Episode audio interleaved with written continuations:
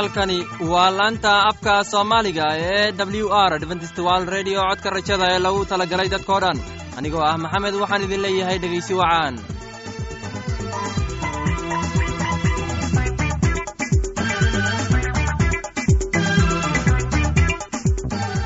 barnaamijyadeena maanta waa laba qaybood. Qaybta koowaad waxaad ku maqli doontaan barnaamijka caafimaadka. Oo inoo soo jeedinaya shiino kadib waxaa inoo raaci doonaa cashar inaga imaanaya bugga nolosha oo inoo soo jeedinaya cabdi maxamed. Labadaasi barnaamij ee xiisaha leh waxaa inoo dheeraysa daabacsan oo aynu idiin soo xulnay kuwaas aynu filayno inaad ka heli doontaan. Dhegaystayaasheenna qiimaha iyo khadradda lehow waxaynu kaa codsanaynaa inaad barnaamijkeenna si haboon u dhegaysataan. Haddii aad wax su'aalaha qabto ama adaysid wax tale ama tusaale fadlan inala soo xiriir dib ayaynu kaga sheegi doonaa ciwaankeenna. Bal intaynan u guudagalin barnaamijyadeena xiisaha leh waxaad marka hore ku soo dhowaataan. Heestan daabacsan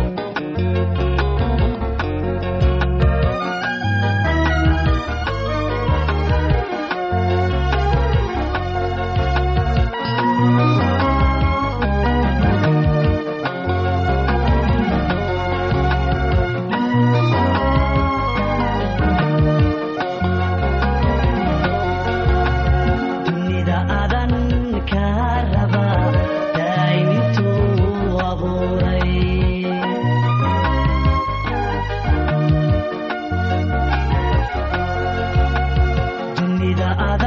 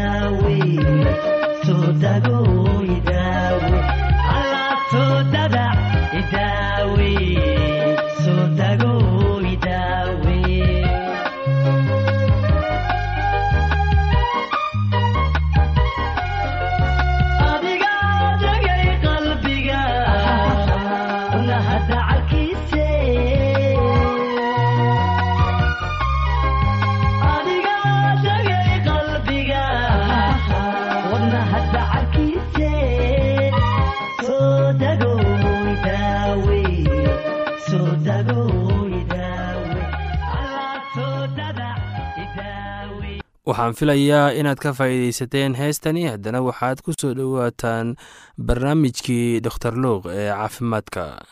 Muxuu uu doctor luuk ka leeyahay wax ku saabsan isticmaalka kooxaha cunnada as-aasiga maanta doctor luuk wuxuu nagala hadli doonaa mowduuc muhiim oo ku saabsan dadka oo dhan. Taasi waa kooxaha cunnada as-aasiga ah iyo sida loo isticmaalo. Qof kasta oo nool wuxuu cunaa maalin kasta wuxuuna u baahan yahay inuu ogaado sida loo isticmaalo kooxaha cuntada as-aasiga ah si uu helo nafaqo ku filan. Dor lucos wuxuu ku bilaabi doonaa isticmaalka sheeko ku saabsan hooyo da'yar ruva waxay ahayd hooyo soddon iyo shan jir ah oo sidoo kale aad u shaqaysa iyada iyo ninkeeduba waxay lahaayeen gabadh siddeed jir ah. Jen ruva waxay aad ugu mashquulsaneed shaqada shaqada guriga iyo caawinta gabadheeda qoobta ciyaaraha iyo cashada muusikada. Waxay helin wakhti ay wax ku karsadaan waxay jeclaayeen inay karsato cunno. Inkastoo ay mashquul ahayd. Maalin maalimaha ka mid ah oo ayay bilaabtay inay ogaato in gabadheeda ay tahay culays kordhaya waxay weydiisay gabadheeda haddii ay meel kale wax ka cunayso ama cunno fudud ka hesho oo ay tiri maya haddii tani waxay ahayd markii ay maxay miisaan u qaaday way ka way ka walwalsan tahay sida ay u mashquushay oo waxay leedahay xanuun ee miisaanka culays ee carruurta da'dooda.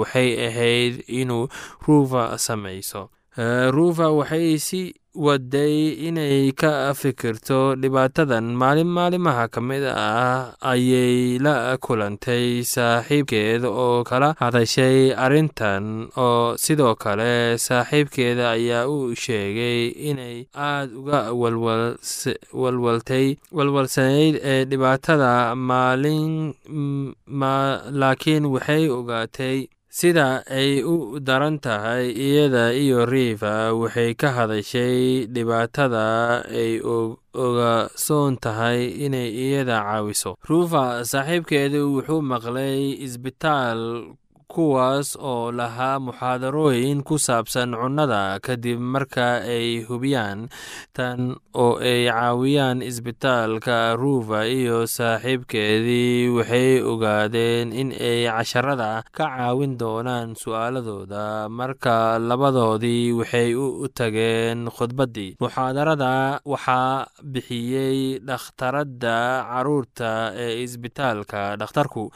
wuxuu bilaabay isagoo oo leh dadka badankooda way saameeyaan mana fahmin sida kooxaha cuntada u shaqeeyaan. Sidaa darteed haddii dadka dhegaystayaasha ah fahmaan muxaadarada waxaa bixiyey dhakhtaradda carruurta ee isbitaalka. Dhakhtarku wuxuu bilaabay isagoo leh dadka badankooda way sameeyaan mana fahmaan sida kooxaha cuntadu u shaqeeyaan. Sidaa daraaddeed haddii dadka dhegaystayaasha ah fahan yar ka qaban. Tan marka waa aysan dareemi doqonnimo ama walwal river waxay ka nasatay sida ay iyadu u hubiso inay iyadu keligeed tahay qofka dhegaystay ee soddonka waalid oo aan garanaynin tan. Tani waxay u fududaysay inay su'aasha ay weydiisay khudbadda kadib dhakhtaraddu carruurta ayaa u sheegtay dhegaystayaasha inay jiraan saddex kooxood oo as-aasi ah.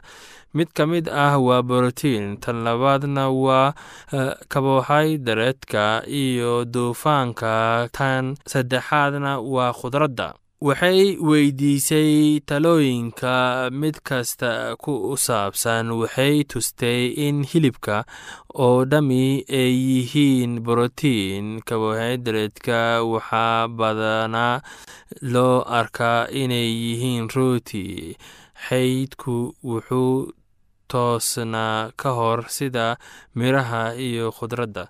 Kadib dhakhtaraddu ayaa weydiiyey su'aal dhakhtarka carruurta ayaa u sheegay in tani ay tahay su'aasha ugu muhiimsan ee muxaadarooyinka. Waxay ahayd waxqabadka mid kasta oo ka mid ah saddexda kooxood ee liiska. Dad badani waxay bixiyeen waxyaabo badan oo kala duwan. Jawaabaha oo dhan oo dhakhtaradu sheegay inay fiicnaayeen si kastaba ha noqotee dhakhtarku wuxuu u sheegay inay jiraan wax aad u fudud habka lagu xasuusto mid kasta oo ka mid ah saddexda kooxood ay sameeyaan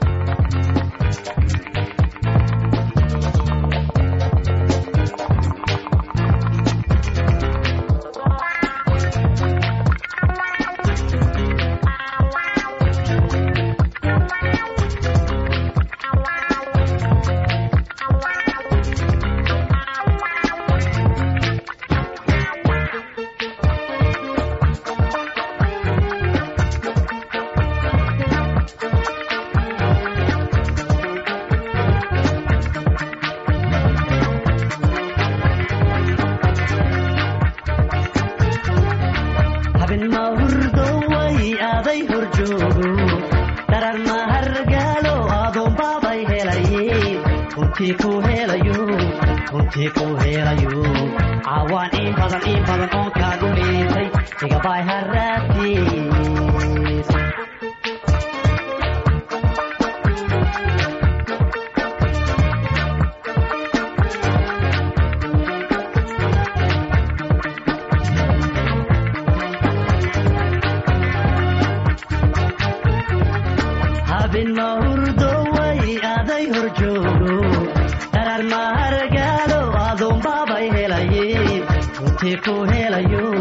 runtii ku helayo. Cawaan in badan in badan oon kaagu liitay igabay haraabtiis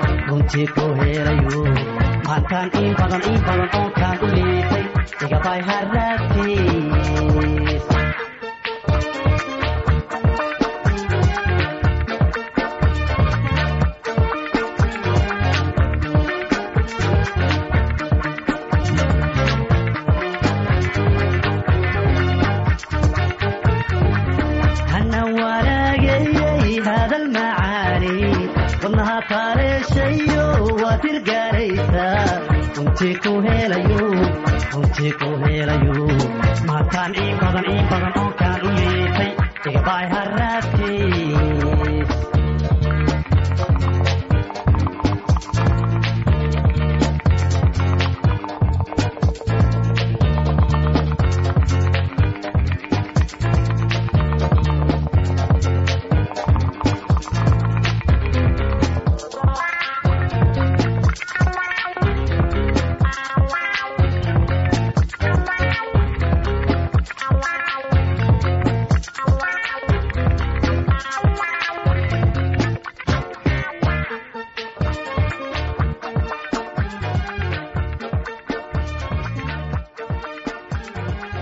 waxaan filayaa inaad ka hesheen heestaasi. Haddana waxaad ku soo dhowaataan casharkeenna inaga imaanaya bugga nolosha. Casharkeenna wuxuu ku saabsan yahay naxariista ilaaha qaybta labaad.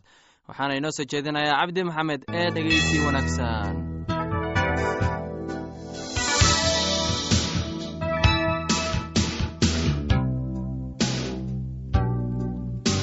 Dhegaystayaal weli waxaan ku jirnaa qisadii roma. Oo weliba waad garanaysaan wakhtiga inay haatan tahay saacaddii aad hurdada ka toosi lahaydeen. Waayo haatan ay badbaadintu inooga dhowdahay markii hore oo aan rumaysannay. Midkiinna naftiisa uma noola midkiinna naftiisa uma dhinto. Waayo haddii aynu nool nahay rabbigaynu u nool nahay. Haddii aynu dhimanana rabbigaynu u dhiminaa sidaa daraaddeed haddii aynu nool nahay iyo haddii aynu dhimannaba rabbigayna leh waayo sababtaasa aanu u nool nahay inuu rabbiga u noqdo kuwii dhintay iyo kuwa noolba. Adigu maxaad walaalka u xukuntaa amase adigu maxaad walaalka u quursataa waayo kulligeen waxaynu hor istaagi doonaa kursiga xukuumadda ilaah waayo waxaa qoran anigu waa noolahay ayaa rabbigu leeyahay oo jilib walibo ayuu ii sujuudi doonaa. Carab walbana ilaah buu qiri doonaa. Sidaasaa midkiin kasta ilaah ula xisaabtami doonaa. Sidaa daraaddeed mar dambe yaanay isxukumin laakiinse tan ka fikira inaan ninna walaalkiis u dhigin dhagax uu ku turunturoodo ama wax kaleeto oo hor joogsada waan ogahay waanan ku hubaa rabbiga inaan waxba naf ahaantiisa iska xaaraan ahayn. Laakiinse kii ku tiriya inay xaaraan tahay kaas waxaa ka xaaraan. Waayo haddii walaalka cuntadaada ka calool xumaado jacaylka kuma sii socotid. Cuntadaada ha ku baabi'in. Kii masiixa u dhintay haddaba wanaaggiinana yaan lacayn waayo boqortooyada ilaah ma aha cunid iyo cabid laakiinse waa xaqnimada iyo nabadda iyo farxadda ku jira ruuxa quduuska. Kii waxaas ugu adeega ilaah buu ku baa ka farxiya xagga dadkana waa mid loo bogay sidaa daraaddeed haddaba aynu raacno waxyaalaha nabadda iyo waxyaalaha midkeenba midka kale xoog u yeela. Shuqulka ilaah ha u dumin cunto aawadeed hubaal wax waliba waa nadiif laakiin waa u xun yahay kii cunaa isagoo mid kale xumaynayo. Waa wanaagsan tahay inaadan hilib cunin ama qamri cabin ama samaynin wax kaleeto oo walaalka ku turunturoodo rumaysidka aad leedahay ilaah hortiis u hayso. Waxaa faraxsan kii aan isku xukumin wixii la quman isaga laakiinse kii shakiya hadduu cuno waa xukuman yahay maxaa yeelay rumaysid wax kuma cuno oo wax kastoo aan rumaysidka ka imaanuna waa dembi. Kuwiinna xoogga leh waxaa inagu waajib ah inaynu qaadno itaaldarada kuwa xoogga yar oo aynu nafteenna ka farxin midkeen kastaaba daraskiisa ha ka farxiyo inuu ka wanaagsanaado oo ku dhismo waayo rabbiga naftiisa kuma uu farxin laakiinse sida qoran caydii kuwa adiga ku caayay ayaa iyaga kor ku dhacday waayo wax alla wixii hore loo qorayba waxaa loo qoray waxbarashadeenna inaynu dulqaadasho iyo gargaarka qorniinka rajo ku lahaano ilaaha dulqaadashada iyo gargaaridda ha ka dhigo in midkiinba midka kale la fikir ahaado inaad isku qalbi iyo isku af ku ammaantaan ilaaha. Dhegaystayaal waxaan intaas kaga sii hakanaynaa kitaabkii roma tan iyo intaynu dib ku doonno sidaa iyo nabadgelyo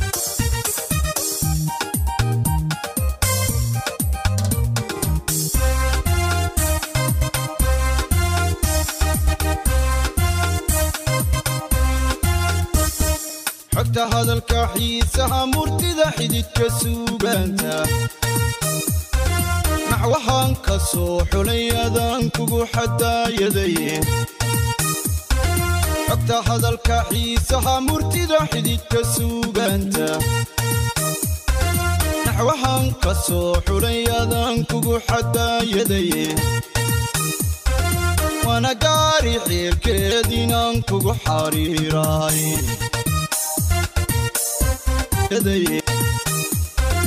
kuxantiyay ilaahii xukumay xulashadaadii.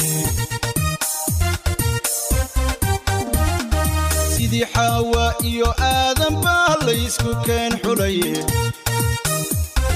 xarafyada qur'aankiyo ducaan kugu xijaabaye sidii xaawaa iyo aadan baa laysku keen xulaye xarafyada qur'aankiyo ducaan kugu xijaabaye kuxantiyay ilaahii xukumay xulashadaadii. Imtixaan waanay dumar lagu xasuusnaado. Xasladay habboonay adaan kugu xushmeeyay ishaxaasidiintiyo naxligu kuma xumeeyaani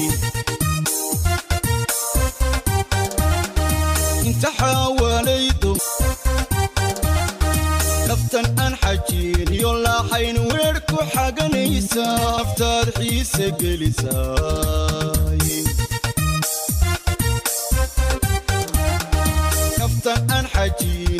laaxayn weer ku xaganaysa oo runi xalaalaysay baad ku xaragootaay. Qalbi xaadhan baa leedihi oo laab xaruuriyahe xubnageenyalay allageenya ugugay naftaad xiise gelisaay. Kaftan aan xajiiniyo laaxayn weer ku xaganaysa oo runi xalaalaysay baad ku xaragootaay qalbi xaadhan baad leedihiyo laab xaruuriyahe xubnageenyalay allageenya ugugay naftaad xiise gelisaa